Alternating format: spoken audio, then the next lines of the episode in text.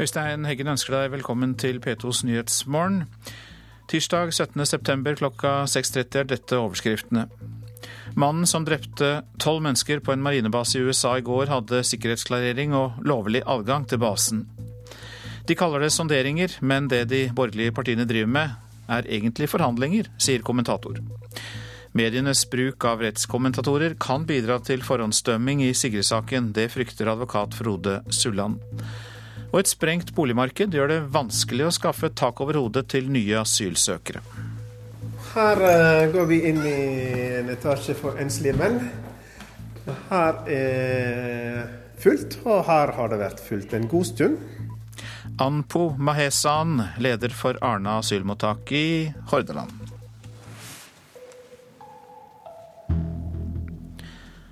Mannen som skjøt og drepte tolv mennesker på en marinebase i Washington DC i går, hadde lovlig adgang til basen. Det opplyser sjefen for firmaet han jobbet for. Den tidligere marinesoldaten Aaron Alexis jobbet for et datafirma som var leid inn for å jobbe med datamaskiner på basen. We feel comfortable right now that we've exhausted all means to eliminate um, that possible last suspect. So we do now feel comfortable that we have the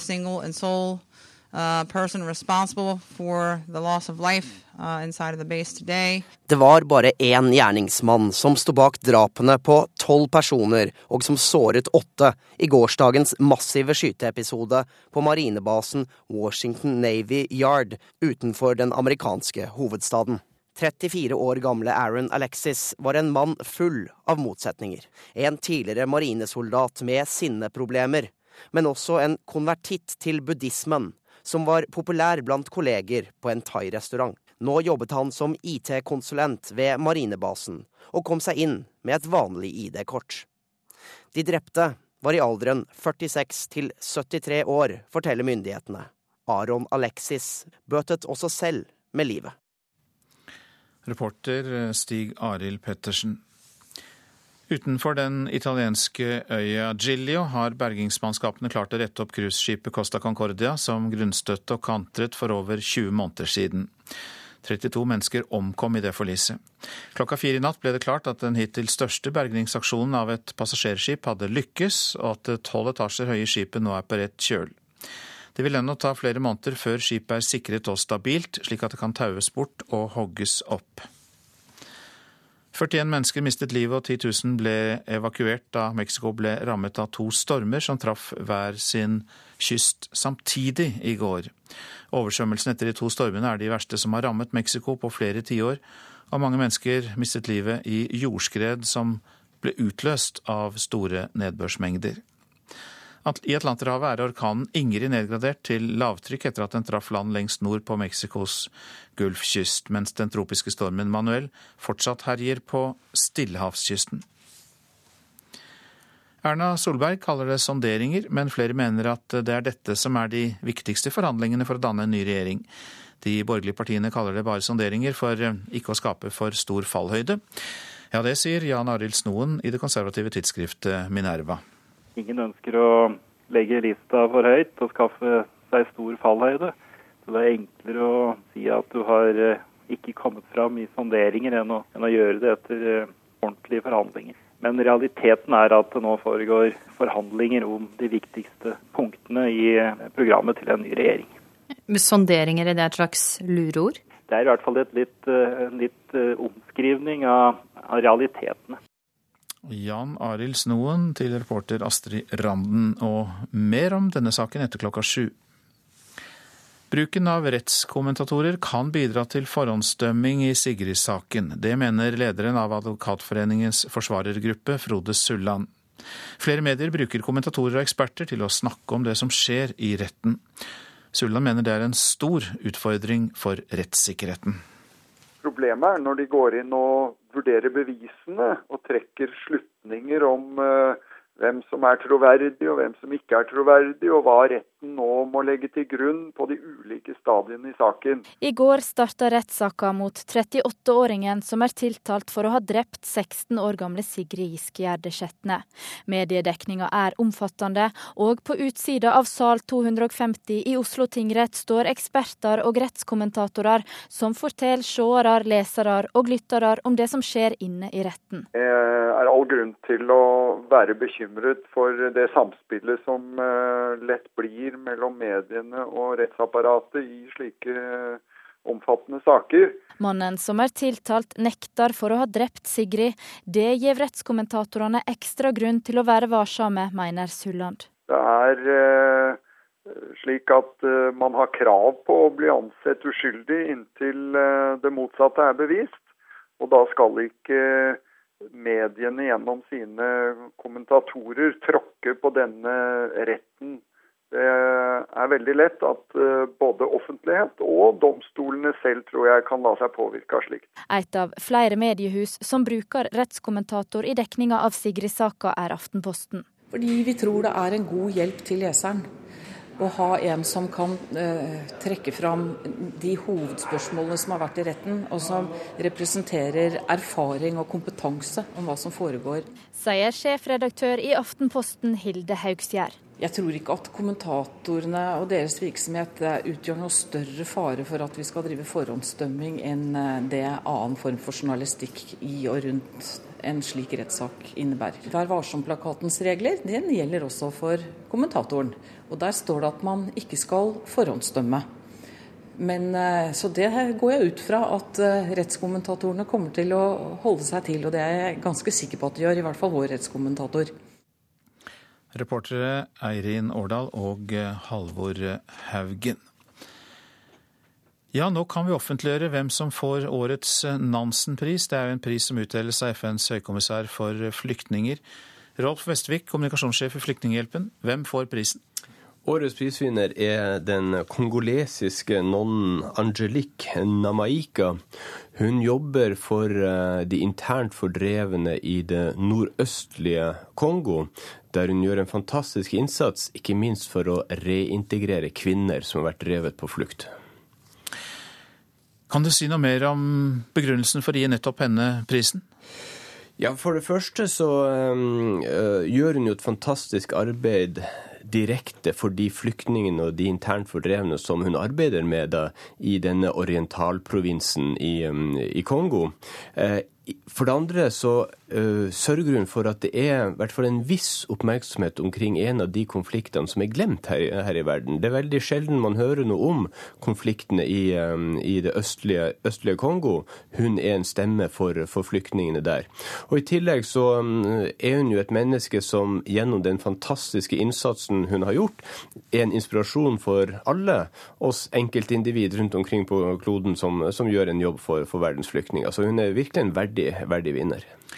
Denne kongolesiske nonnen Angelique Namaika, hun gjør vel også spesielt mye for eh, voldtektsofre i det østlige Kongo? Ja, det er jo den såkalte Herrens motstandshær, The Lord Resistance Army, som er aktiv i dette området her. Og de er jo spesielt kjent for sin brutalitet overfor barn. Unge gutter blir kidnappa og tvangsrekruttert som soldater, og unge jenter blir eh, kidnappa og tvangsgifta med geriljasoldatene. Ofte i veldig veldig ung alder, vi snakker om 10-12-14 år, eh, og blir da utsatt for de, for de groveste angrep. Og de jentene som klarer å flykte fra denne eh, geriljaorganisasjonen, er det søster Angelique spesielt arbeider med. Ikke minst arbeider med å få dem reintegrert inn til et normalt, normalt normalt liv eh, etter å ha vært gjennom en sånn forferdelig opplevelse. Denne prisen ble jo innstiftet i 1954, Nansen-prisen altså, og eh, den deles ut av eh, FNs høykommissær for flyktninger. Hvordan er denne prisvinneren i rekken av prisvinnere av denne prisen, hvordan vurderer du henne der? Nei, hun er definitivt en, en, en verdig vinner. Nansenprisen Nansen-prisen har jo en uh, lang og viktig tradisjon. Det har vært mange flotte prisvinnere opp gjennom, opp gjennom årene. Men jeg syns at søster Angelique virkelig står ut som en, en helt fantastisk vinner. Fordi hun klarer å kombinere både skal vi si, fokuset på enkeltindivider og minner oss på om at de mange flyktningene her i verden er enkeltpersoner, i tillegg til at hun gjør et, et fantastisk direkte arbeid for disse kvinnene som har vært gjennom sånne forferdelige, forferdelige ting. Så hun er en verdig vinner. Hun er en heltinne i det moderne flyktningarbeidet. Hvor skal prisen deles ut? Den deles ut på mandag, altså den 30. september i, i Genéve, på en stor seremoni der. Og Der gleder vi oss alle til å, til å møte søster Angelique igjen. Takk skal du ha, kommunikasjonssjef i Flyktninghjelpen, Rolf Vestvik. Så litt om avisene. De rød-grønne foreslår en million skattefri arv og formuesskatt for bare millionærer. Det skriver Dagens Næringsliv på sin forside. Avisa bringer lekkasje fra statsbudsjettet til den avtroppende regjeringen. Boligmarkedet kjølner, kan vi lese i Aftenposten. Flere selger bolig før de kjøper. Barkene, bankene snurper igjen pengesekken, og færre boliger går over takst. EØS-flyt truer velferdsstaten, skriver Klassekampen. Ny forskningsrapport advarer mot trygdebombe som følge av arbeidsinnvandring. Halvparten av norske soldater i utlandet har vært i livsfare, skriver Dagsavisen. Tall fra SSB viser også at én av ti norske soldater i tjeneste for FN eller Nato har måttet skade eller drepe i strid. Varslet bombetrusselen på Facebook, skriver Adresseavisen. 36-åringen som lammet Værnes flyplass i går, fortalte om planene sine ett døgn i forveien på det sosiale mediet. Politiet har 2200 nordlendinger i DNA-registeret, skriver Nordlys. Nå skal alle i fengsel registreres, og politiet oppklarer dermed flere saker takket være DNA. EU kan forhindre forslag om å halvere antall rovdyr i Skandinavia, skriver Nasjonen. EU-kommisjonen liker ikke forslaget fra den svenske regjeringen om å redusere antall rovdyr. Riksvei 7 kan bli stengt i en måned etter raset i Kvam, det skriver Bergens Tidende. Og det er tredje gang i år at en av hovedveiene på Vestlandet blir stengt i lengre tid. I Kristiansand sier 22% av bilistene at de vil endre kjøretidspunkt nå når rushtidsavgiften er innført. Veldig hyggelig at så mange vil endre reisevaner, ja det sier miljøvernsjef Øystein Holvik. Humanister i USA krever at Gud fjernes i troskapsløftet ved amerikanske skoler, skriver Vårt Land. Nå skal USAs høyesterett avsi dom i striden. Halvard Flatland forteller til Dagbladet at han har vunnet sitt livs kamp. Flatland var kreftsyk og lå i respirator. Nå går han rett fra sykesenga til TV-comeback. Og Bergensavisen forteller om 14 år gamle Lasse Ekerhovd, som har en sjelden hjertesykdom. Likevel gir han seg ikke med guttefotball på Sotra, men en av foreldrene står alltid klar med hjertestarteren på sidelinja. Og triks mot høstforkjølelser, ja det er dagens forbrukertips på VGs forside.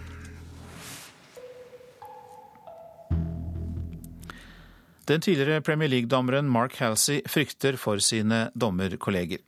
I sin selvbiografi mener han det er et spørsmål om tid før en toppdommer bukker under for press og hets fra sosiale medier.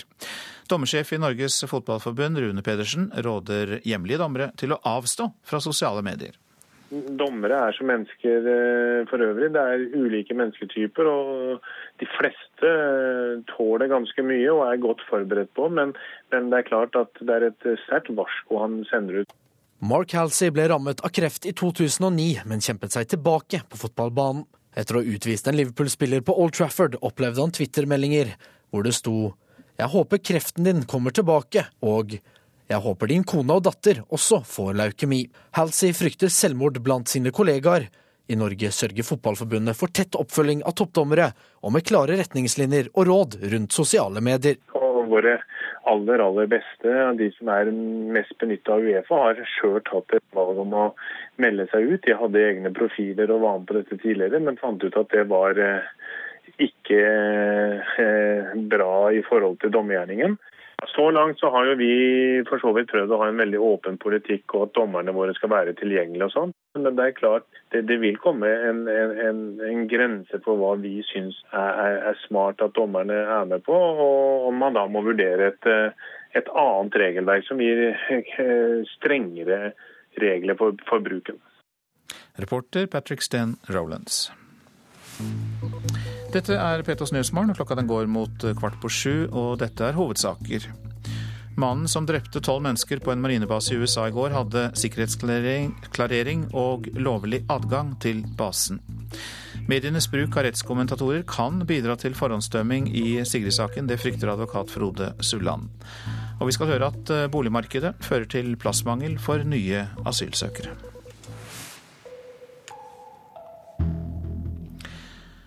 Og så skal vi høre at det blir et tettere samarbeid mellom politiet og Mattilsynet i alvorlige dyrevernsaker. Det har eh, de to blitt eh, enige om, disse etatene. Mattilsynet ønsket i utgangspunktet å prøve ut et dyrepoliti, men så langt ville ikke Politidirektoratet strekke seg. Et eh, spesialpoliti for dyr, det, det har vi ikke behov for.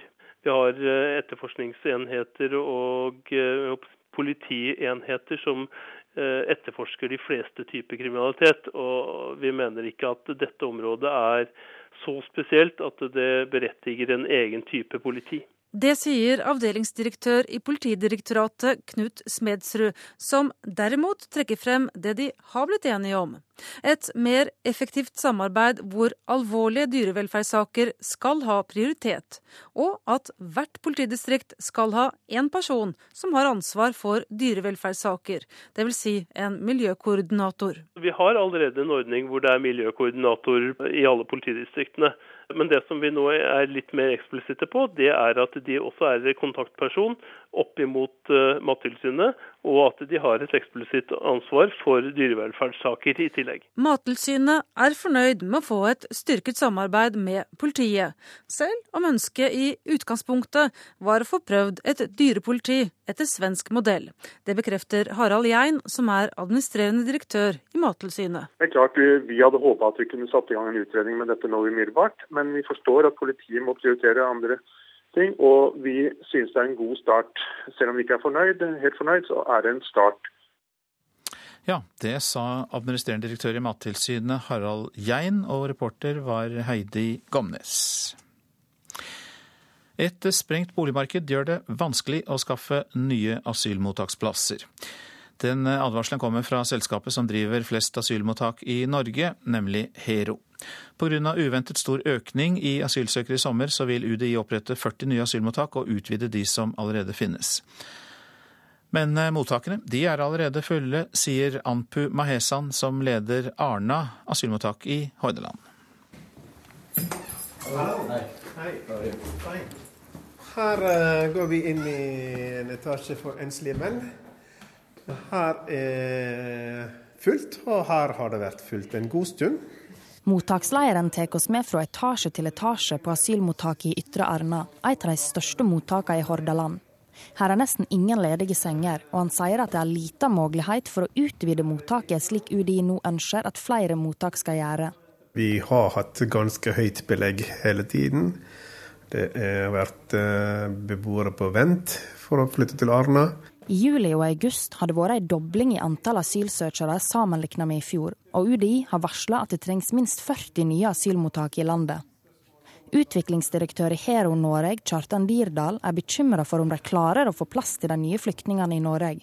Det er få ledige bosteder, og de er dyre. Det er jo ikke tvil om at, at boligmarkedet i Bergen f.eks. er veldig pressa. Sånn at det er jo en i en konkurranse med andre som også har både studenter og andre som også har behov for boliger. Så det, det gjør situasjonen utfordrende, spesielt denne tiden av året på høsten.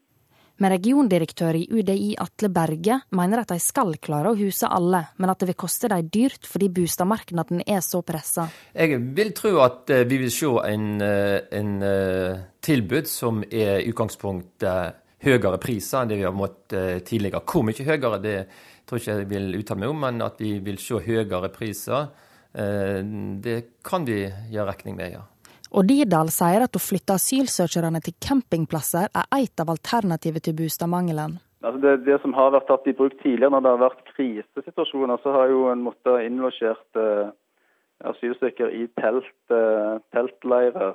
Eh, og det er ikke en det er ikke en situasjon som vi ønsker å, å, ha igjen. For slike midlertidige løsninger kan få store konsekvenser for senere integrering, sier han. Måten som en blir tatt imot på gjennom mottakssystemet er jo veldig viktig for den senere integreringsprosessen hvis en skulle få opphold i Norge.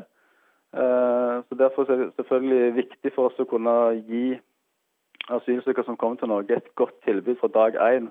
Det er tross alt snakk om folk som har reist, flyktet fra dårlige forhold, reist fra frykt. Mm. Reporter her, det var Adal Heidur Oldeide. Flere innvandrerkvinner syns det er vanskelig å komme i kontakt med det norske folket, og derfor er det vanskelig å praktisere norsk utenfor klasserommet. Selv om mange innvandrerkvinner har gått gjennom norskopplæring, så har de fortsatt dårlige norskkunnskaper. Og det har jo sammenheng med at de ikke praktiserer språk. Jeg tenkte å studere i universitet. Hva har du tenkt å studere? Jeg har lyst på å studere fysioterapi veldig mye, men jeg er ikke sikker på om jeg kan det. eller... Juan Azizpor er fra Iran og har bodd i Norge i to år. Hun går på norskkurs og forbereder seg til å ta norskprøve tre. Jeg syns det, det, er litt vanskelig eh, for meg, i min mening. Kanskje jeg må være litt mer sosial og få litt mer informasjon. Men det, det har vært vanskelig for meg. Men ikke alle synes at det er vanskelig å praktisere norsk utenfor klasserommet. Sige Endiez er fra Eritrea og har også bodd i Norge i to år. Hun er frivillig hos Tromsø Røde Kors. Jeg synes at det er ikke vanskelig, fordi hvis du har stort nettverk, så du, du, kan forbedre seg og snakke bedre norsk. Evnen til å lære et språk er avhengig av flere faktorer, hvor alder, utdanning og språkmiljøet bl.a. spiller en avgjørende rolle. Trura Viken er lærer ved voksenopplæringa i Tromsø og mener at det er viktig å skille mellom to grupper innvandrerkvinner når det handler om norsk utvikling. Det som jeg ser som et skille, det er jo om du er i et norsk miljø utenom skoletid eller ikke. Og de som er i et norsk miljø, som kanskje er norskgifte, de på en måte utvikler språket sitt fortere enn de som ikke er i et norsk miljø. Det er ikke noen krav om bestått språkprøve for å få permanent oppholdstillatelse eller statsborgerskap i Norge. Derfor er det kanskje liten grunn til å praktisere norsk etter norskopplæringen. Nesten av dem det er ikke så viktig å lære norsk. Eh, jeg tror de bare tenker på eh, hvordan kan vi finne eh, et jobb med høy inntekt. Noen eh, damer som er gamle sier eh, jeg eh, liker ikke å lære norsk. Fordi jeg er gammel og jeg skal bare hjemme. Flyktninghelsesøster Lena Luljegren har sett mange tilfeller av innvandrerkvinner med dårlige norskkunnskaper, og tror at konsekvensene kan være store. Blir mer isolert, tar mindre del i samfunnet, får dårligere forståelse av samfunnet rundt seg. Har avhengig av tolk mer når de er hos lege, at det blir brukt tolk. At tolkene er gode. Eh, kan fort bli misforståelser. Vansker med å følge opp barna. I forhold til barnehage, skole, lekser, fritid. Alle er enig i at språk er viktig. Og det finnes andre måter å utvikle seg på norsk, selv om man er hjemmeværende. Jeg synes at når vi alle innvandrere, når vi er ferdig med på norskkurs, vi må også lære seg selv. F.eks. på radio, på internett, også gå på bibliotek. Mange aktiviteter er også her i Norge, her i Tromsø. Så vi må melde dem på den aktiviteter, så man, må, man kan lære norsk enkelt. Reporter her, det var Radmire Taylor Smith Larsen. Vi drev med utskjelling av andre som ikke lignet noen ting. Ja, hvem sier det? Jo, det sier Pål Steigan, tidligere leder for AKP-ML. Den omstridte politikeren har gitt ut bok, nemlig, om det indre liv i det marxist-leninistiske partiet. At man var uenig, var jo greit. Uenig må man jo være. Men eh, det var en utskjelling som ikke ligner noen ting. Eh, og det var en eh, dogmatisme som ikke ligner i ting. De var forferdelig unge, naturligvis. Det sier Pål Steigan, tidligere leder for kommunistpartiet AKP-ML. Han har skrevet boken 'En folkefiende' om det indre livet i Arbeidernes kommunistparti på 60-, 70- og 80-tallet. Da Steigan var en av landets mest omstridte politikere. Vi trodde at vi var verdensmestere, at vi skulle forandre verden på noen få år. Men Så noe av det får skrives på den kappen. Men uansett, det var jo en del folk eh, ble jo plaga av dette. Eh, og det er jo veldig leit. Eh, og eh, naturligvis, vi støtta folk vi ikke burde ha støtta, sånn som Pol Pot og Kambodsja og sånne saker som det der. Det var masse ting vi ikke visste, og så trodde vi, lot vi som vi visste. Trodde vi visste mer enn vi visste. Partiet som startet som en kulturbevegelse med mange medlemmer fra kunst- og kulturlivet, hadde en indre kodeks om å stå samlet utad. Og Steigan innrømmer at de var for strenge mot hverandre og resten av venstresiden i norsk politikk. Det var, det var en disiplin, og det, det, var strengt, kan du si. Eh, nå tror jeg nok også mange syns at de så poenget med den strengheten. Eh, Trond Øgrim og jeg pleide å si at organisasjonen er fattigmannskapital. Altså Vi hadde ikke penger, vi hadde ikke posisjoner, vi var unge. Hvordan skulle vi kompensere for det? Jo, ved å organisere oss og handle etter ei linje. Men allikevel, i det lange løp så tok det på. Og, mange har jo tatt opp det tidligere. Men det jeg ikke angrer, det er at jeg eh, droppa studiene og begynte som industriarbeider. Det, det var en sann svir, og det har jeg lært fantastisk mye av. Arbeidernes kommunistparti hadde programfestet at de var for væpnet revolusjon. Steigan og andre medlemmer ble overvåket av den norske stat i årevis. Men AKP-ML drev aldri med våpentrening, sier Steigan. Det var en, kamerat av meg som syntes at jeg var uh, altfor pinglete uh, når det gjaldt våpen. Jeg har aldri interessert meg for våpen. Mens denne kameraten min han, han syntes han var god til å skyte. Og da jeg leda på han ganske klart, så sa han nå drar vi. Og da ble vi enige om at da Så det er min, det min geriljaerfaring. Pål Steigan til slutt her, og reporter var Eirin Venås Sivertsen. Tine ber Europa om hjelp for å sikre smør til jul, skriver Finansavisen. Under varemerket Sunfield skal Tine lage smør både av norsk og melk fra andre europeiske land. For to år siden fikk Tine mye kritikk for at det ikke ble produsert nok smør til jul.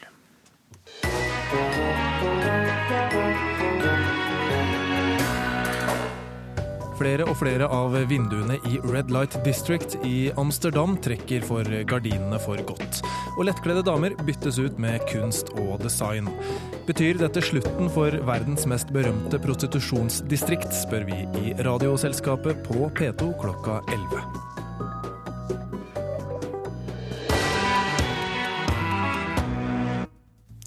Nå til eh, værvarselet. Langfjella Kuling utsatte steder, regnbyger, snø i de mest høyereliggende strøk.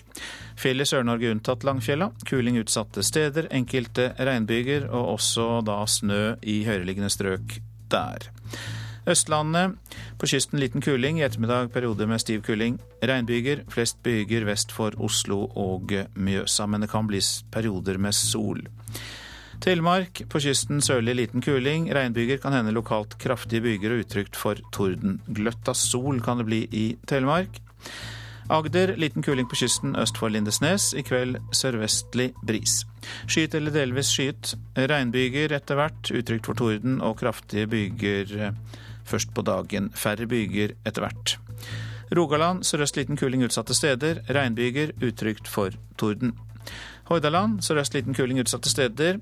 På kysten stiv kuling, perioder med regn og regnbyger i Hordaland. Sogn og Fjordane sørøst og periodevis sterk kuling. Den minker i formiddag til liten kuling. I kveld ny økning til stiv kuling. Det blir stort sett oppholdsvær i Sogn og Fjordane. Perioder med sol kan det bli fra i ettermiddag. Møre og Romsdal i kveld liten kuling i nord, oppholdsvær og perioder med sol. Trøndelag sørøst stiv kuling utsatte steder, fra i ettermiddag liten kuling. Enkelte regnbyger etter hvert opphold og perioder med sol.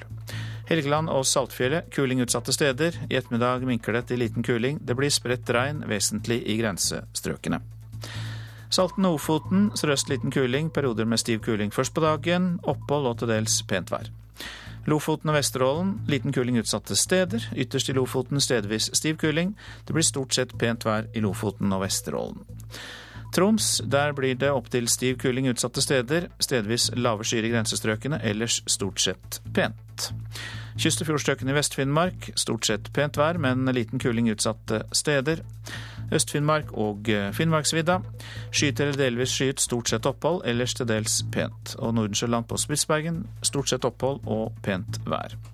Temperaturer Svalbard 5, Kirkenes 8, Vardø og Alta 10, Tromsø 9, Bodø 15, Brønnøysund 16, Trondheim 12, Molde 6. Bergen 10, Kristiansand-Kjevik 8, Gardermoen og Lillehammer 7, Røros 5 grader og Oslo-Blindern 8 grader.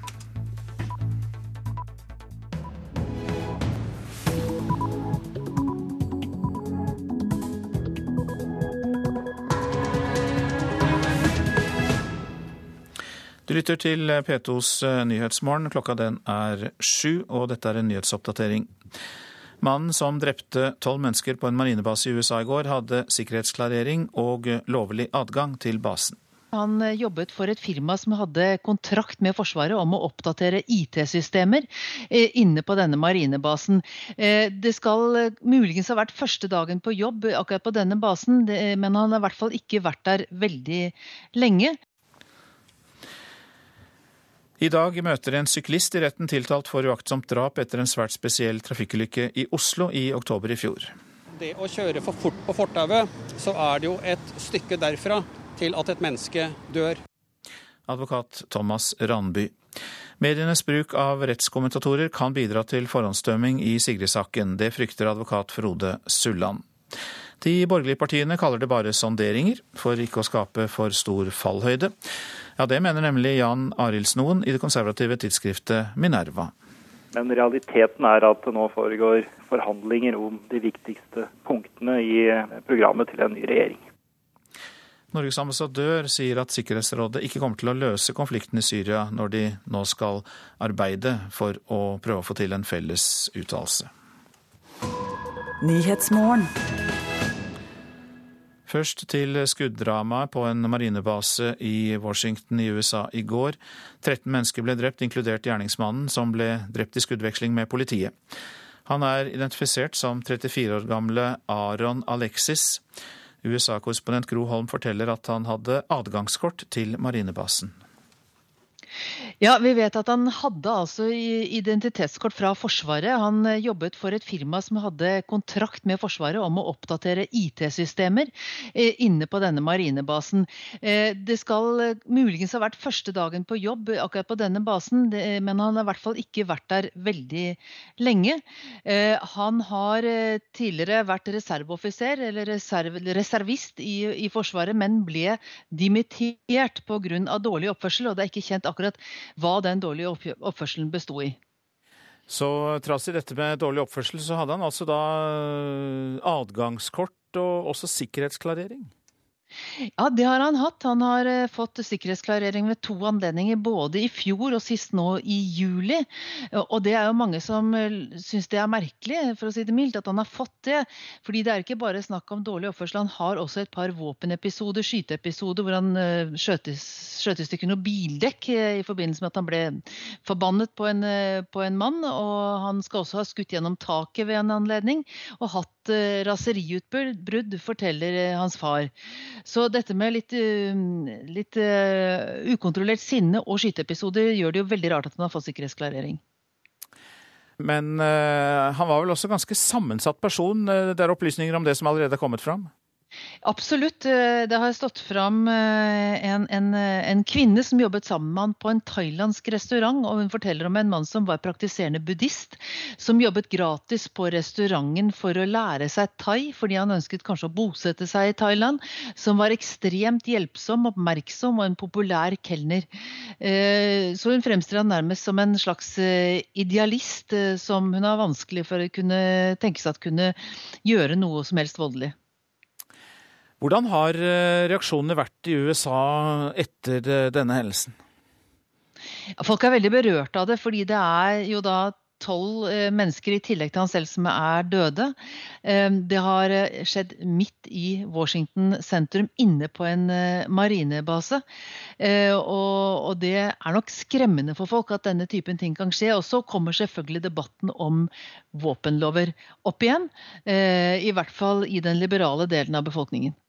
Ja, det sa USA-korrespondent Gro Holm. I dag møter en syklist i retten tiltalt for uaktsomt drap etter en svært spesiell trafikkulykke i Oslo i oktober i fjor. På fortauet i Kirkeveien kolliderte mannen med en kvinne som syklet motsatt vei. Og resultatet ble fatalt. Det var mørk høst litt før åtte om morgenen i Kirkeveien i Oslo. Mellom Ullevål sykehus og krysset mot Sognsveien måtte fotgjengere og syklister denne dagen òg dele plassen på fortauet.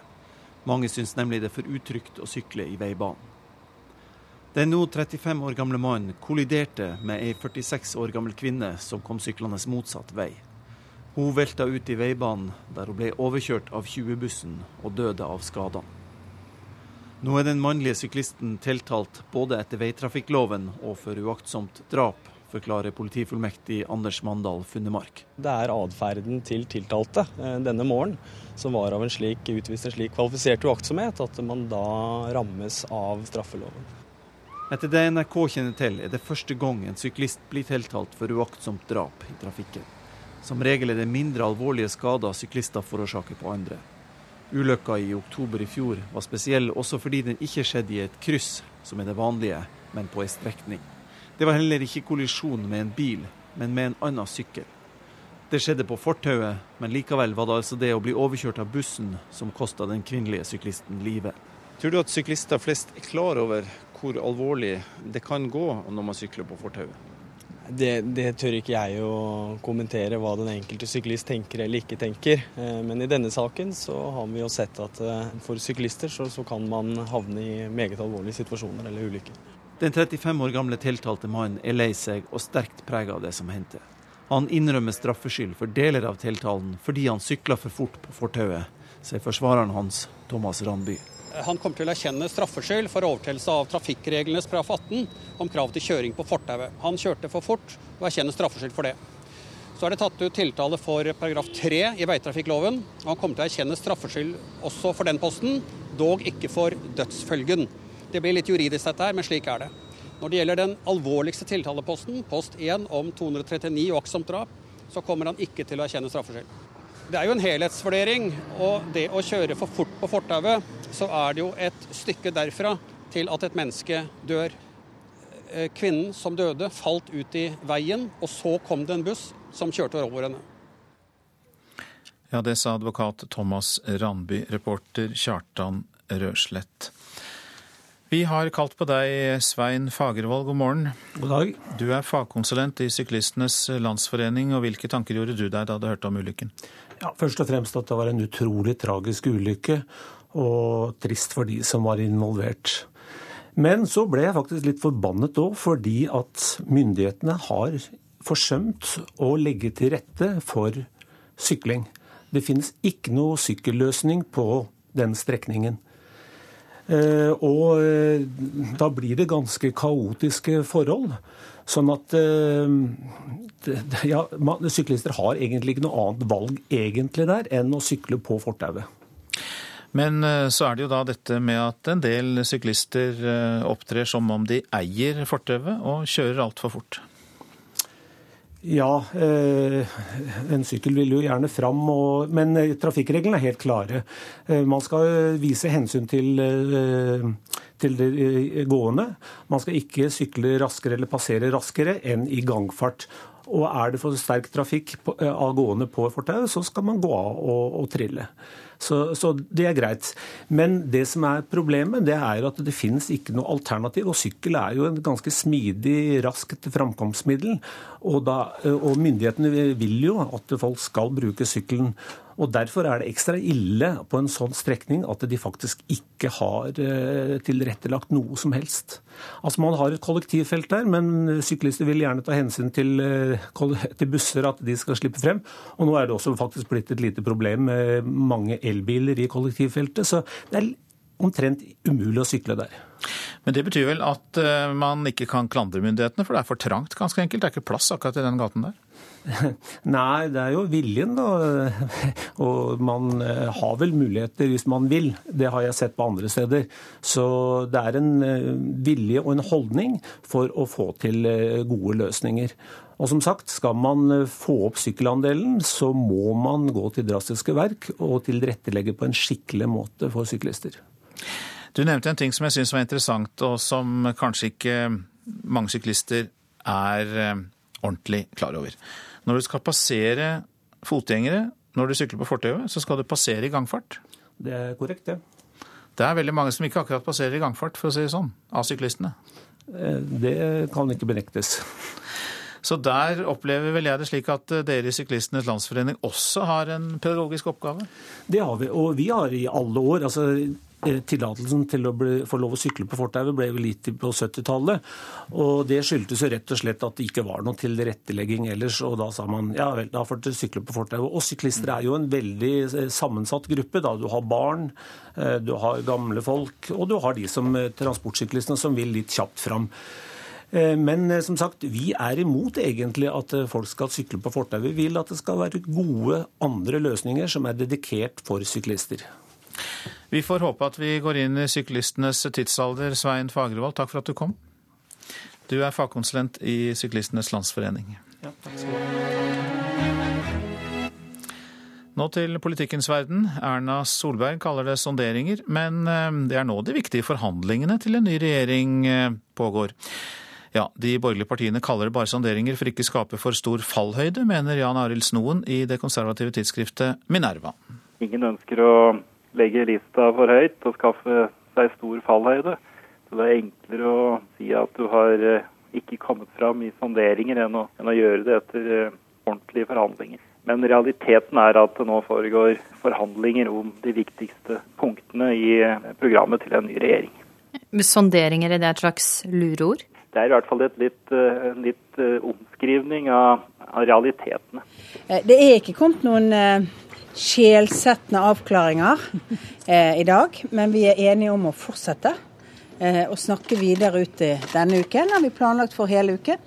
Høyre-leder Erna Solberg bruker ord som snakke, samtale og sondere. Men i realiteten har de harde slagene og makta i regjeringa allerede starta. Det sier tidligere KrF-leder og statsråd Valjer Svarstad Haugland. Hun har sjøl vært med i danninga av to regjeringer ikke alle viktige spørsmål, men ganske mange viktige spørsmål blir avklart. Fordi at Hvis en ikke får på plass en del sånne hovedspørsmål som er vanskelige, så er det ikke vits i å gå i gang med forhandlinger, slik som min erfaring er fra Bondevik 1 og Bondevik 2. Og før Bondevik II-regjeringa kom på plass, ble det brått i sonderingene. Det skjedde da KrF og Venstre nekta på at Høyre skulle ha både statsministeren og finansministeren. Det var litt for drøyt for Høyre, så hele sonderingsfasen ble det brått i. Så snakka de vel sammen i Høyre etterpå, tenker jeg. Og så kom vi tilbake til forhandlingsbordet når vi da var ferdig med og avklart at eh, finansministeren skulle gå til Høyre og statsministeren til KrF. Ny stortingsmann for Venstre, Sveinung Rotevatn, sammenligner sonderinger og forhandlinger med stevnemøte og ekteskap. Så Hvis du tar det inn i samlivsverdenen, da, så det er kanskje litt som å ha den første daten. De begynner å treffe hverandre og uh, finne ut litt som uh, er det her noe vi skal gå for.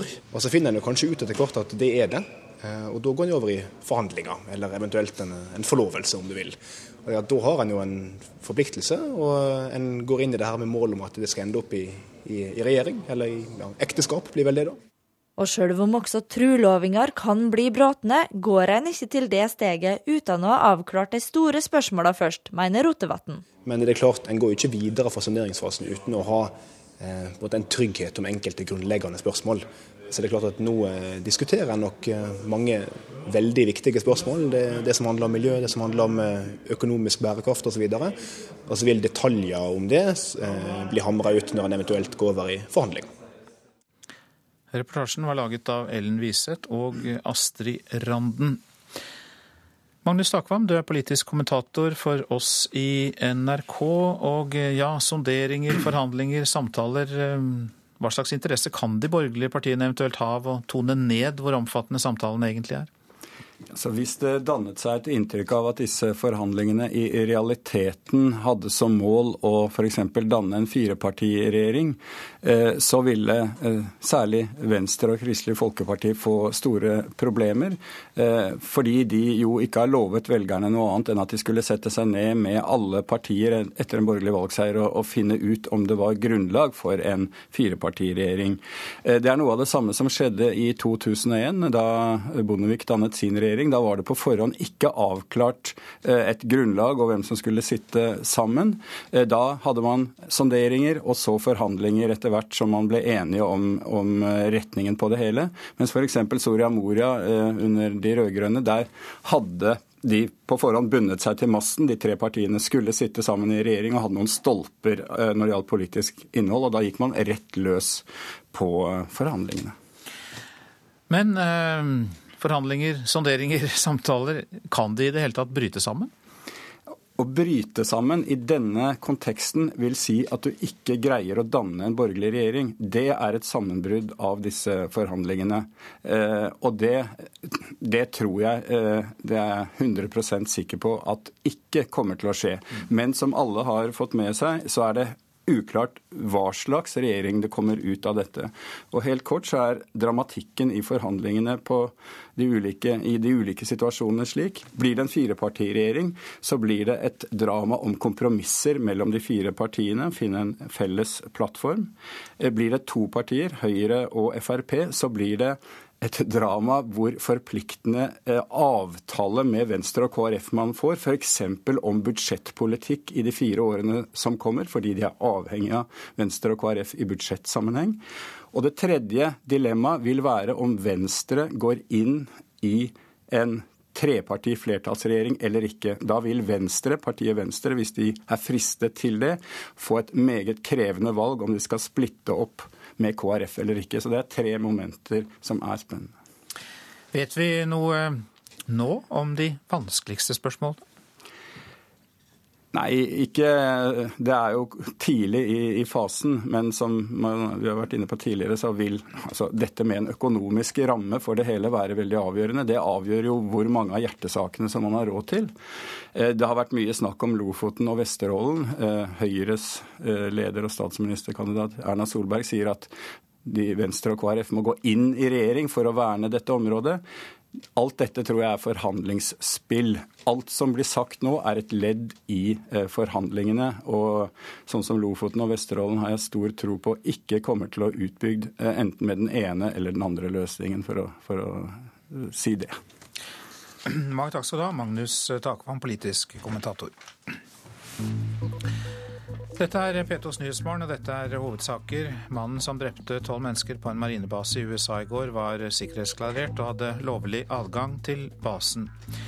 I dag møter en syklist i retten tiltalt for uaktsomt drap etter en svært spesiell trafikkulykke i Oslo i oktober i fjor, da to syklister kolliderte. Og Norges FN-ambassadør sier at Sikkerhetsrådet ikke kommer til å løse konflikten i Syria, men de skal arbeide for en felles uttalelse.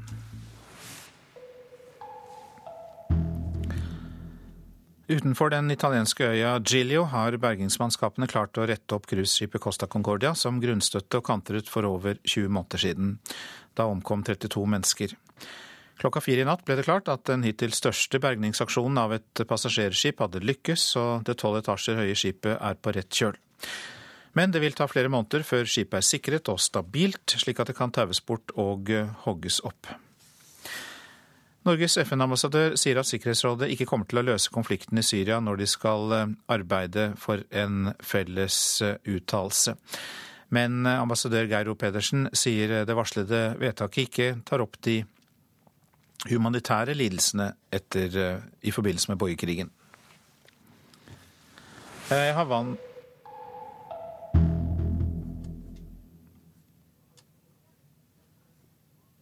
Jeg tror det viktigste nå er at uh, dette er tilbake i Sikkerhetsrådet. Og, og, og, det som er målsettingen denne gangen, er å bli kvitt de kjemiske våpnene. Men så må det også være et neste skritt. Det må bygges en bro til det neste skrittet. Og det er å få på plass en politisk prosess. Og den politiske prosessen, det er den som kan løse konflikten. Det er ikke kjemiske våpen som til nå har tatt flest liv i Syria, men det er bruken av de dødelige gassene Sikkerhetsrådet nå diskuterer. Våpeninspektørenes rapport, som ble offentliggjort her i New York i går, bekrefter krigsforbrytelser, men ikke hvem som skjøt nervegassen sarin inn i Damaskus forstad for snart en måned siden. Sikkerhetsrådet skal finne ut hvordan Syrias kjemiske våpen kan havne under internasjonal kontroll og ødelegges. Magefølelse sier at dette blir usedvanlig vanskelig, men at det ikke er umulig. Sier Geir O. Pedersen, som er Norges FN-ambassadør her i New York. Sikkerhetsrådet har til nå vært handlingslammet i spørsmålet om Syria. Med det nye russisk-amerikanske forslaget forhandlet fram i helga, er rådet igjen koblet inn, og kan for første gang siden borgerkrigen startet bli enige om et Syria-vedtak. Det er uklart hvor sterk ordlyden blir, eller om det legges inn trusler om maktbruk dersom Syria ikke etterkommer kravene. Sikkerhetsrådet venter på innspill fra FNs kontor for forbud mot kjemiske våpen, OPCW. Og Det innspillet som kom fra Haag, det skal da være en, eh, en konkretisering av den avtalen som russerne og amerikanerne kom fram til i Genéve. Og Basert på det vil Sikkerhetsrådet da komme med et vedtak. Vestlige makter mener det er opplagt at regimet sto bak angrepet med kjemiske våpen i Syria. Opprørsbevegelsen har ikke kapasitet til å bruke slike våpen i det omfanget som FN har dokumentert, mener USA, Storbritannia og Frankrike. Men land som Russland har antydet at opprørerne er forsynt med våpen. Dette reiser mange spørsmål som eh, vi fra norsk side eh, ikke har anledning til å gå inn på, ikke har kunnskap om. Sier Geir O. Pedersen. Men også Norge mener Syria må stilles til ansvar i den varslede resolusjonen. Russland har ennå ikke bestemt seg for om trusselen om militærmakt eller Den internasjonale straffedomstolen skal være en del av vedtaket. Vi må forutsette at uh, alle har interesse av at dette blir en klar, entydig og sterk prestasjon. Så er det på FN-språk flere mulige måter å gjøre det på. Én en måte er å bruke såkalt kapittel 7-resolusjon, som åpner i siste konsekvens for bruk av makt. Den gjør ikke bare det, men i siste konsekvens så kan den gjøre det. Men det er også andre måter å få sterke og kraftige resolusjoner på, gjennom såkalt kapittel 6-vedtak, som gjør at regimet må leve opp til sine forpliktelser, og hvis ikke, så vil det få konsekvenser. Og jeg tror For oss er det viktigste er at det vil få konsekvenser for regimet, hvis ikke det etterlever det sterke oppfordringen som nå har kommet fra det internasjonale samfunn. FNs inspektører konkluderte ikke, men kom med en grundig rapport om hva de fant. Fikk du svar på i rapporten hvem som sto bak? Altså, jeg tror vi må lese rapporten øh, nøye, og vi må få våre eksperter til å se nøye på det. Men det er, øh, jeg må si, de, de, tingene som kommer fram, virker som de peker øh, entydig i én retning. Men det vil ikke være riktig av meg her og nå å konkludere på det. Ja, det var Norges FN-ambassadør Geiro Pedersen, og reporter var Anders Tvegård. Høyesterett i Bangladesh har dømt en islamistleder til døden for krigsforbrytelser under landets frigjøringskrig i 1971. Abdul Kader Mullah er visegeneralsekretær for det største islampartiet i Bangladesh. Over 100 mennesker er drept siden januar i demonstrasjoner i forbindelse med dette rettsoppgjøret etter frigjøringskrigen. To personer er omkommet og fem er savnet etter at en tyfon med store nedbørsmengder førte til flom på vestkysten av Japan i går. 260 000 mennesker er evakuert i storbyen Kyoto, men i dag skal tog- og flyforbindelser så smått komme tilbake til det normale. Statsministeren i Kambodsja holder i dag krisemøte med opposisjonen etter tre dager med voldsomme demonstrasjoner i hovedstaden Phnom Penh, og der eh, var det krav om statsministerens avgang. Hun Sen har vært statsminister i 28 år, men nå mener folk at han jukset under det siste valget i eh, juli. En million eh, skattefritt. Bunnfradragene i både formuesskatt og arveavgift økes til én million. Det er innholdet i Stoltenberg-regjeringens statsbudsjett for neste år. Og eh, det betyr at antall personer som betaler arveavgift eh, nær halveres. Det nye fribeløpet for arveavgiften innebærer at man kan motta arv og gaver til en verdi av 1 million kroner uten å måtte betale arv eller gaveskatt. I dag er beløpet under halvparten. Det skriver avisen Dagens Næringsliv. En million kroner blir også unntatt formuesskatt, for mens den rød-grønne regjeringen har økt bunnfradragene for arv, gaver og formue også tidligere, tar den nå siste skritt når statsbudsjettet legges frem 14.10. Så tar vi for oss eh, mer av det avisene skriver. Boligmarkedet kjølner, kan vi lese i Aftenposten. Flere selger bolig før de kjøper. Bankene snurper igjen pengesekken, og færre boliger går over takst. EØS-flyt truer velferdsstaten, skriver Klassekampen. Ny forskningsrapport advarer mot trygdebombe som følge av arbeidsinnvandring. Halvparten av norske soldater i utlandet har vært i livsfare, skriver Dagens Næringsliv. Tall fra, skriver Dagsavisen, unnskyld. Tall fra SSB viser at uh, også én av ti norske soldater i tjeneste for FN eller Nato har måttet skade eller drepe i strid. Varslet bombetrusselen på Facebook, skriver Adresseavisen. 36-åringen som lammet Værnes flyplass, fortalte om planene sine et døgn i forveien på det sosiale mediet.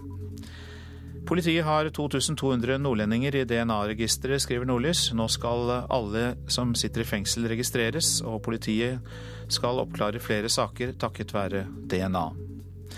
EU kan forhindre forslag om å halvere antall rovdyr i Skandinavia, skriver Nasjonen. EU-kommisjonen liker ikke forslaget fra den svenske regjeringen om å redusere antall rovdyr. Riksvei 7 kan bli stengt i en måned etter raset i Kvam, skriver Bergens Tidende. Dette er tredje gang i år at en av hovedveiene på Vestlandet blir stengt i lengre tid. I Kristiansand sier 22% av bilistene at de vil endre kjøretidspunkt nå når rushtidsavgiften er innført. Veldig hyggelig at så mange vil endre reisevaner, ja det sier miljøvernsjef Øystein Holvik. Humanister i USA krever at Gud fjernes i troskapsløftet ved amerikanske skoler, skriver Vårt Land. Nå skal USAs høyesterett avsi dom i striden. Halvard Flatland forteller til Dagbladet at han har vunnet sitt livs kamp. Flatland var kreftsyk og lå i respirator. Nå går han rett fra sykesenga til TV-comeback.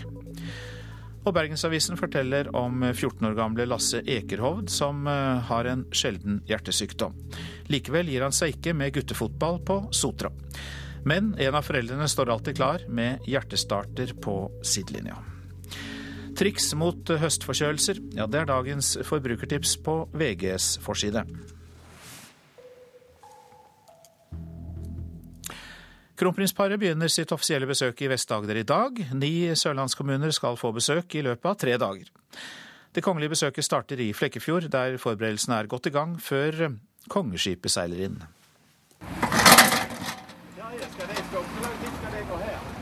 Det settes opp gjerder og benker. Området skal ryddes ved kaia i Flekkefjord. Flere fra kommunen er ute for å gjøre klart til kronprinsparet som kommer i dag. Havnesjef Petter Takholt gleder seg til å ta imot kronprinsparet. Nå er vi og kikker at, alt, og at vi må jo ha opp en del gjerder og sikre av litt. Grann. Men det er jo et lite press, for alt skal være på skinner likevel. Føler du det presset nå? Det gjør jeg, det er klart. Hvis en ikke følte det, så ville det jo vært litt gale. Så det at Vi ønsker jo Flekkefjord og ønsker jo å framstå på en, på en respektiv og grei måte. Du sjøl, da. Eh, hvordan forbereder du deg på dress og det hele? Nei, nå er det jo sånn at nå har jeg fått uniform. Og Det fikk jeg beskjed om at det måtte jeg ha, så det i morgen blir første gang jeg skal bruke den. Så nå skal du snart hjem eh, og prøve uniformen ordentlig ut?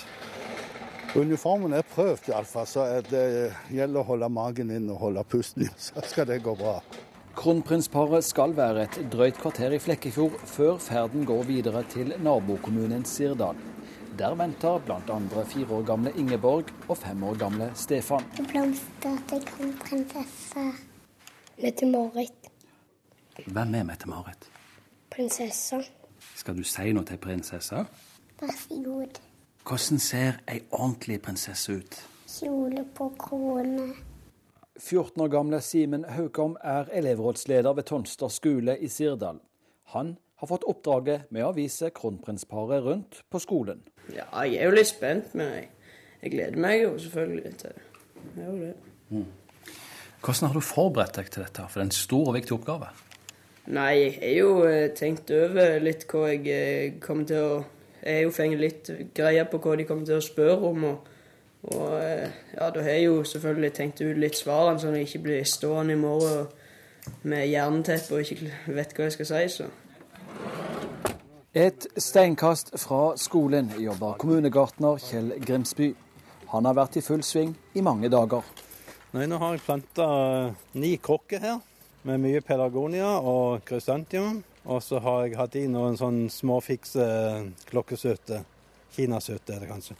Hvis jeg skal si litt om fargen, er det tilfeldig rødt, hvitt og blått? Nei, jeg prøver å gå litt i rødt, hvitt og blått som det norske flagget, da. Det, det er litt trøkk nå før de kommer? Ja, nå har det vært rimelig stress for å få dette på plass og pynta opp i parken. Og... Men det blir bra? Det skal bli bra. Du har stelt godt med dem? Ja, vi har prøvd å stelle godt med dem, ja. Hatt de med hjem, kanskje? Nei, ikke folk det, men vi har vokta dem godt. Reporter her, det var Lars Eie. Er du lei av dårlige nyheter? Da kan du få med deg reportasjen etter Dagsnytt. For statskringkastingen i Sør-Afrika har besluttet at eh, sju av ti nyheter skal være positive. Prosent for Nyhetsmorgen, Marit Selmer Nederlid. Her i studio, Øystein Heggen.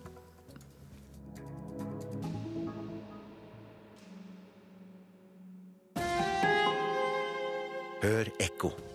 Det er irriterende med vondt i kneet når du trener til Birken.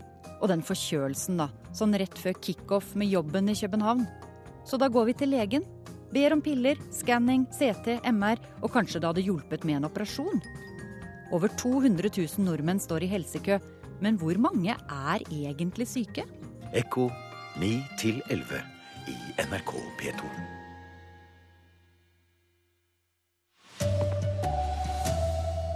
Massedrapsmannen i Washington hadde lovlig adgang til militærbasen, hvor han drepte tolv personer. En uvanlig rettssak starter i dag. En syklist er tiltalt for uaktsomt drap. Og advokat mener rettskommentatorer i media truer rettssikkerheten. Her er NRK Dagsnytt klokka 7.30. Mannen som tok livet av tolv mennesker ved marinebasen i Washington i går, er identifisert som 34 år gamle Aaron Alexis. Han hadde sikkerhetsklarering og lovlig adgang til basen. Han var også tidligere marinesoldat. We do now feel comfortable that we have the single and. Vi er nå sikre på at vi har tatt den eneste gjerningsmannen opplyser myndighetene i Washington.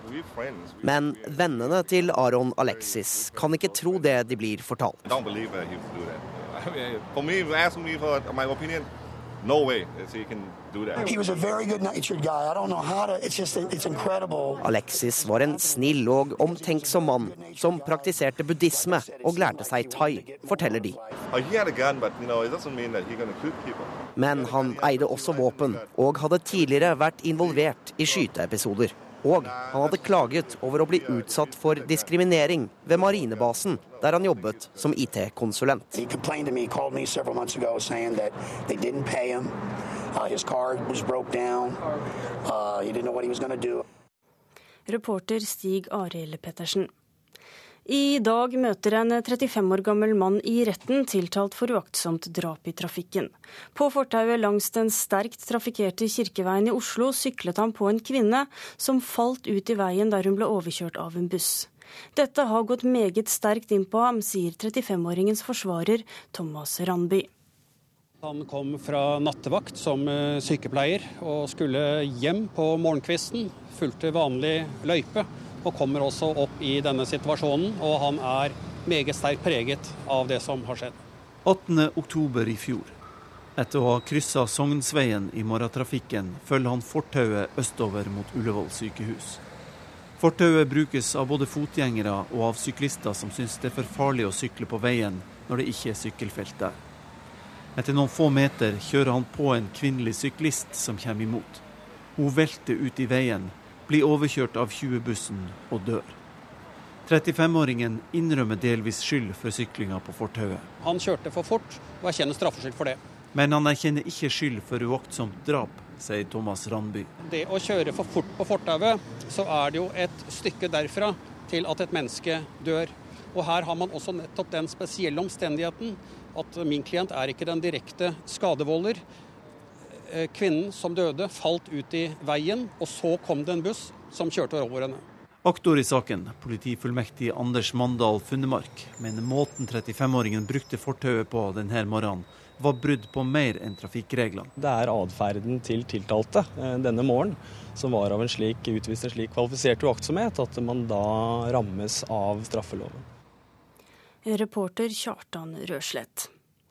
Erna Solberg kaller det samtaler og sonderinger, men det er nå de viktige forhandlingene til en ny regjering skjer. Det mener Jan Arild Snoen i det konservative tidsskriftet Minerva.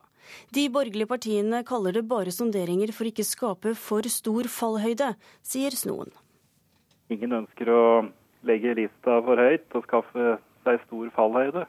Så det er enklere å si at du har eh, ikke kommet fram i sonderinger enn å, enn å gjøre det etter eh, ordentlige forhandlinger. Men realiteten er at det nå foregår forhandlinger om de viktigste punktene i programmet til en ny regjering. sonderinger, er det et slags lureord? Det er i hvert fall et litt uh, omskrivning av, av, realitetene. Også tidligere KrF-leder og statsråd Valier Svarstad Haugland tror at de harde slagene om makt internt i regjeringa allerede har starta. Hun har sjøl vært med i danninga av to regjeringer. Ikke alle viktige spørsmål, men ganske mange viktige spørsmål blir avklart. Fordi at Hvis en ikke får på plass en del sånne hovedspørsmål som er vanskelige, så er det ikke vits i å gå i gang med forhandlinger, slik som min erfaring er fra Bondevik I og Bondevik II. Og før Bondevik II-regjeringa kom på plass, ble det brudd i sonderingene. Det skjedde da KrF og Venstre nekta på at Høyre skulle ha både statsministeren og finansministeren. Så snakker de vel sammen i Høyre etterpå, tenker jeg, og så kommer vi tilbake til forhandlingsbordet. Ny stortingsmann for Venstre, Sveinung Rotevatn, sammenligner sonderinger og forhandlinger med stevnemøte og ekteskap. Så Hvis du tar det inn i samlivsverdenen, da, så det er kanskje litt som å ha den første daten. Den begynner å treffe hverandre og uh, finne ut litt som uh, er det her noe vi skal gå for. Og så finner en kanskje ut etter hvert at det er det. Uh, og da går en over i forhandlinger, eller eventuelt en, en forlovelse, om du vil. Reportere var Ellen Wiseth og Astrid Randen. Bruken av rettskommentatorer kan bidra til forhåndsdømming i Sigrid-saken. Det mener leder av Advokatforeningens forsvarergruppe, Frode Sulland. Flere medier bruker kommentatorer og eksperter til å snakke om det som skjer i retten. Sulland mener det er en stor utfordring for rettssikkerheten. Problemet er når de går inn og vurderer bevisene og trekker slutninger om uh, hvem som er troverdig og hvem som ikke er troverdig, og hva retten nå må legge til grunn på de ulike stadiene i saken. I går starta rettssaka mot 38-åringen som er tiltalt for å ha drept 16 år gamle Sigrid Giskegjerde Skjetne.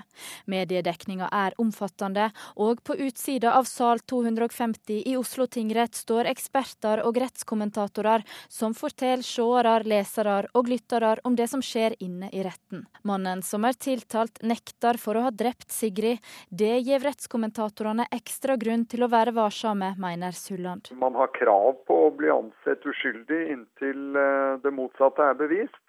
Og da skal ikke mediene gjennom sine kommentatorer tråkke på denne retten det er veldig lett at eh, både offentlighet og domstolene selv tror jeg kan la seg påvirke av slikt. Et av flere mediehus som bruker rettskommentator i dekninga av Sigrid-saka, er Aftenposten. Fordi vi tror det er en god hjelp til leseren å ha en som kan eh, trekke fram de hovedspørsmålene som har vært i retten, og som representerer erfaring og kompetanse om hva som foregår. Sier sjefredaktør Hilde Haugsgjerd. Vær varsom-plakatens regler den gjelder også for kommentatoren. Og Der står det at man ikke skal forhåndsdømme. Eh, så det går jeg ut fra at eh, rettskommentatorene kommer til å holde seg til. Reportere er Ine Årdal og Halvor Haugen. Mannen som skal ha ringt inn en falsk bombetrussel mot Trondheim lufthavn Værnes, skrev om trusselen på Facebook et døgn tidligere. Det skriver Adresseavisen. Flyplassen var stengt i fire og en halv time, og flere enn 5000 passasjerer ble rammet. Frykten for at Oslo-OL skal tappe, bredde, tappe breddeidretten ellers i landet for penger, er ubegrunnet, mener Norges idrettsforbund. Statens bidrag til å bygge idrettsanlegg går gjennom spillemidlene, og disse utgjør bare en hundredel av de totale OL-kostnadene.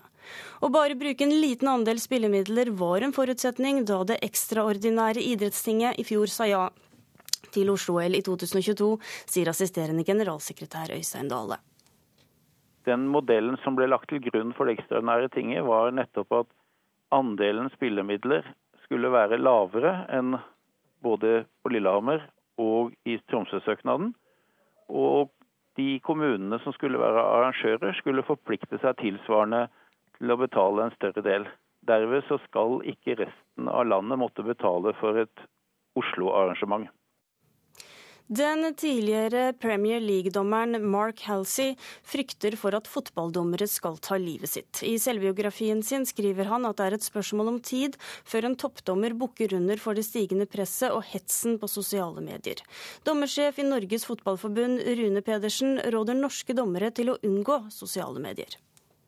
Dommere er som mennesker eh, for øvrig. Det er ulike mennesketyper. og De fleste eh, tåler ganske mye og er godt forberedt på, men, men det er klart at det er et sterkt varsko han sender ut.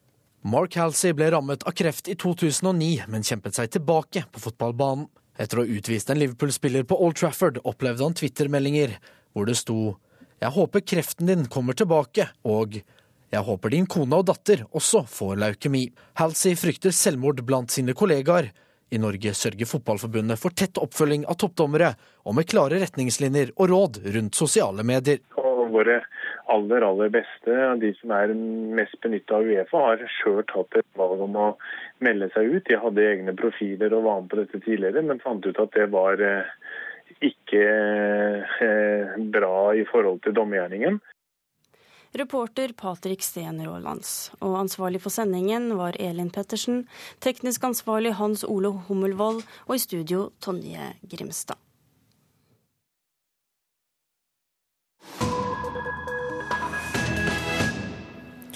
Er du skeptisk til dårlige nyheter, så kan du lytte til det vi kan fortelle nå i Nyhetsmorgen. Statskringkastingen i Sør-Afrika har nemlig besluttet at sju av ti nyheter skal være positive. Regjeringen er begeistret, industrien er begeistret, men journalistene reagerer. De tror det betyr slutten på den kritiske journalistikken. NRKs tidligere Afrikakorrespondent Tom Christiansen rapporterer. Dagsrevyen i Sør-Afrika har allerede fått sitt nye kallenavn, Solskinnsnyhetene. 70% skal handle om det som går godt i Sør-Afrika og verden ellers. Mange vil si det er på tide. Sørafrikansk nyhetsdekning handler om mennesker som blir lemlestet i trafikken, eller drept av naboen, om rasende gruvearbeidere i streik eller protest, om strømforsyningen som svikter og en president som er under konstant mistanke om misbruk av offentlige midler. Den fungerende kringkastingssjef Laudi Motsoeneng avviser all kritikk. Han mener at nyheter om det som går bra vil gjøre godt for nasjonen. Det er de positive nyheter som bygger Sør-Afrika. Han vil ta et oppgjør med det han kaller den kyniske journalistikken. En talsmann for regjeringspartiet ANC er veldig fornøyd med de nye takter, og mener det er helt nødvendig. Historien om det nye Sør-Afrika er ennå ikke fortalt.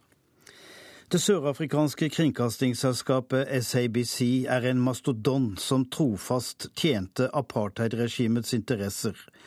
Kamper i gatene mellom svart ungdom og hvitt politi ble framstilt som en ordensoppgave mot ustyrlige og kriminelle tenåringer. Andre opposisjonelle var terrorister. Da frigjøringsbevegelsen ANC ble et parti og inntok regjeringskontorene, inntok de samtidig SABC. Siden har regjeringspartiet vært sikret god dekning, og dokumentarer om president Jacob Somas korrupsjonsaffærer har vært stanset i siste liten. Det er flere sørafrikanske stasjoner som holder seg med det de selv kaller egentlige nyheter. Nylig åpnet den søkkrike indiske Gupta-familien sin egen fjernsynsstasjon i Sør-Afrika med det kryptiske navnet ANN7. Familien er allerede skandalisert for sine overdådige vaner og selskaper og misbruk av politiske kontakter. Deres fjernsynskanal sender bare positive nyheter om regjeringen. Vi vil skape patriotisme sier en av deres ankermenn, og til nå har selskapets eiere fått den adgang de trenger til makten. Behovet for positive nyheter er etterspurt i flere land, men dersom de nedfelles i en redaksjonell brøk 70-30, blir nyhetsjakten et spøkelse. For hva er en positiv nyhet? Er det positivt eller negativt at korrupsjon blir avslørt? Er det en minusnyhet at myndighetene skal granske president Jakob Somas bruk av 200 offentlige millioner kroner til sitt private palass? Er det en god nyhet at gruvearbeiderne streiker mot dårlig betaling og kritikkverdige boforhold, eller er det en minusnyhet i den sørafrikanske kringkastingssjefens regnestykke? Vaktbikkja Media Monitoring Africa minner om at journalistikkens vesen er å fortelle sannheten så komplett som mulig, være uavhengig, unngå å skade noen og være pålitelig. Det er viktigere å være rettferdig enn å være positiv eller negativ. Likevel, mye går bra i Sør-Afrika, men du får aldri høre om at 500 nye hus blir bygget hver dag, at alle nå har fått rent vann og lys i lampa, aldri før har flere svarte studenter gått på universitetet. Er det slik at en hendelse må være destruktiv for å være en nyhet? Svaret er nei i SABC. Dette er hovedsakene i P2s Nyhetsmorgen. Mannen som drepte tolv mennesker på en marinebase i USA i går, var sikkerhetsklarert og hadde lovlig adgang til basen. I dag møter en syklist i retten tiltalt for uaktsomt drap etter en kollisjon mellom to syklister i Oslo i oktober i fjor. Og dyretragedier skal få en raskere saksbehandling. Tettere samarbeid mellom politi og mattilsyn i alvorlige dyrevernsaker. Politisk kvarter glemmer heller ikke regjeringsdrøftingene, programleder Bjørnbø. Nei, vi skal snakke om noen av prysjene, eller brattbakkene, om du vil. Men vi skal også drøfte Fremskrittspartiets uro for omdømmet sitt i utlandet.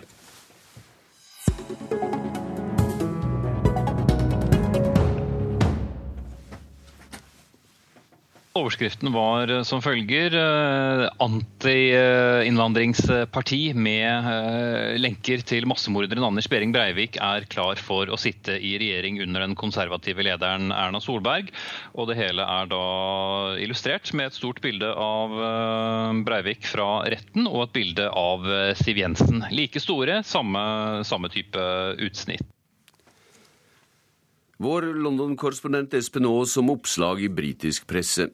Fremskrittspartiet har klaga på at internasjonal presse i samband med stortingsvalget har sammenlikna partiet med høyreekstreme partier i andre land. I dag har Fremskrittspartiet kalla inn til pressekonferanse for nettopp utenlandske medier.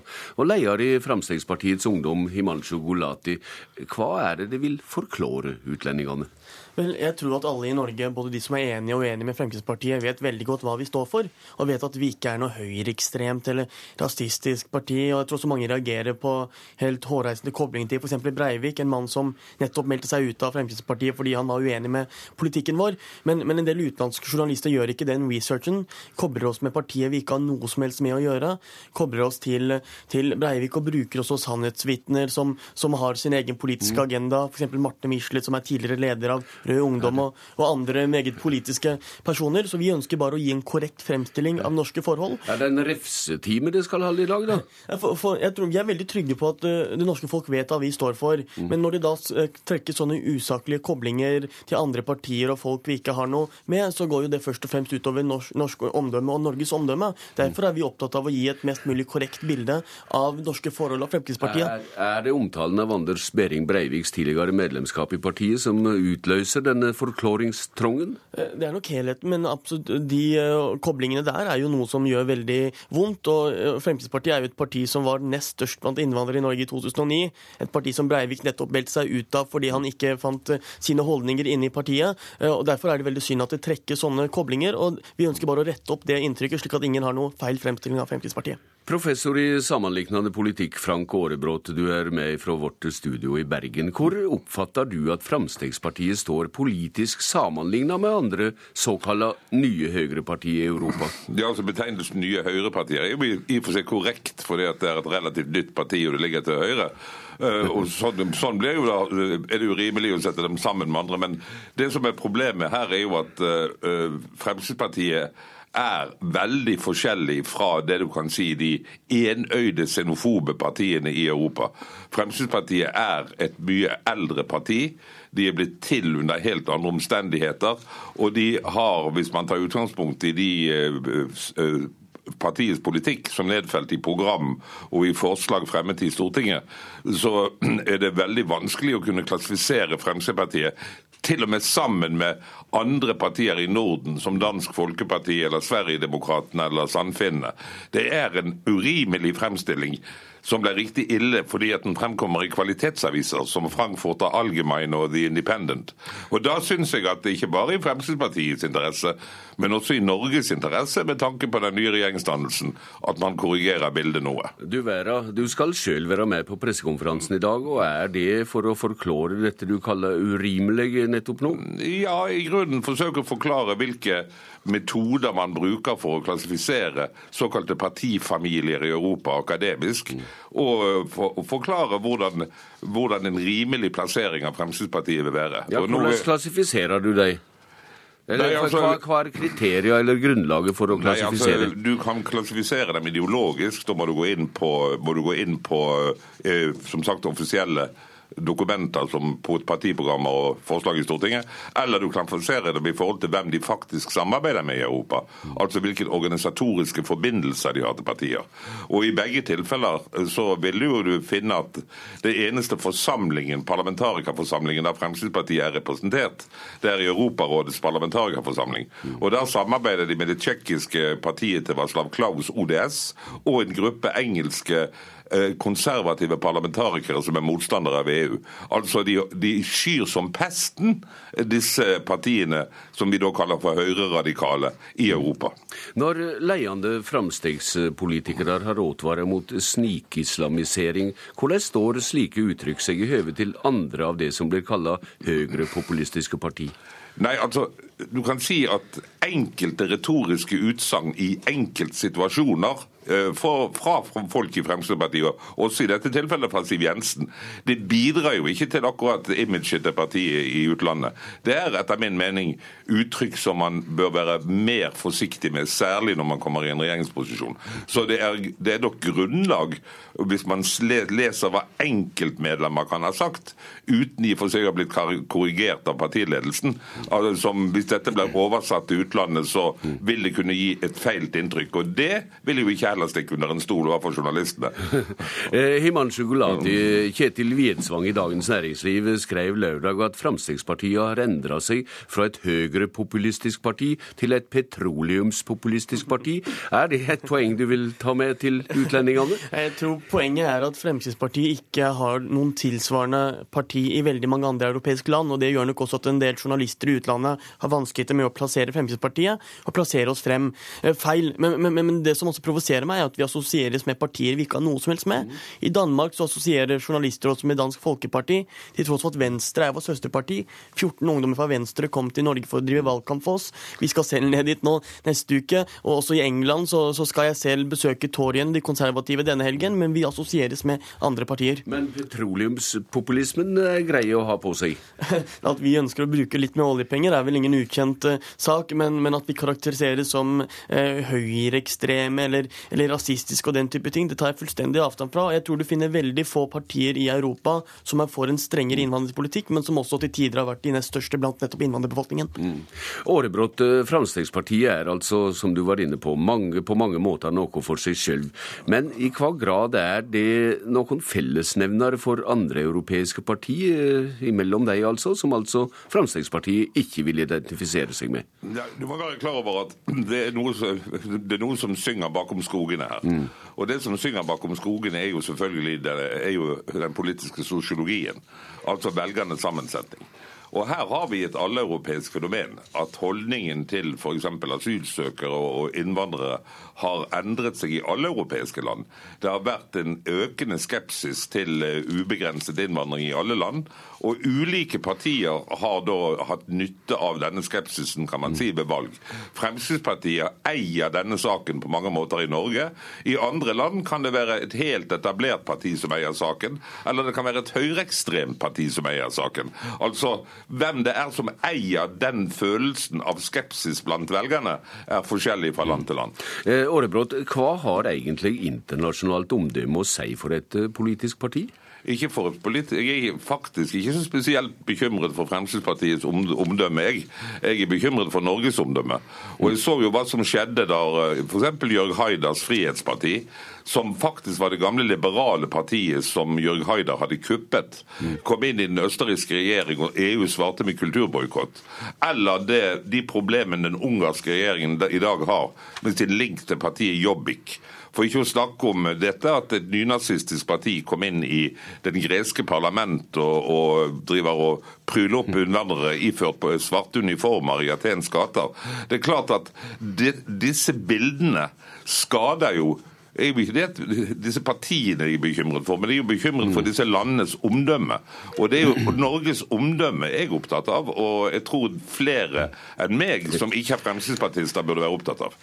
Eh, Himanshu Gulati, hva tror du Fremskrittspartiet og du får ut av møtet med den utenlandske pressa som måtte møte fram i dag? Men, uh, vårt ønske er jo at det pressen skriver om oss skal være riktig, og ikke feilaktige, usaklige eller hårreisende koblinger. Er det et parti som er vant til både både motstand og usaklig angrep, så er det kanskje nettopp Fremskrittspartiet. Men når det skrives ting som er direkte feil, og trekkes koblinger som er helt hårreisende, så påvirker det, som Frank Aarebrot sier, ikke Fremskrittspartiet, men Norges omdømme, og det vil vi rette opp. Vi får se hvor langt det kommer dette. Takk til deg, Himanshu Gulati, og takk til deg, Frank Aarebrot, som altså er i Bergen nå og på vei til Oslo til Fremskrittspartiets pressekonferanse.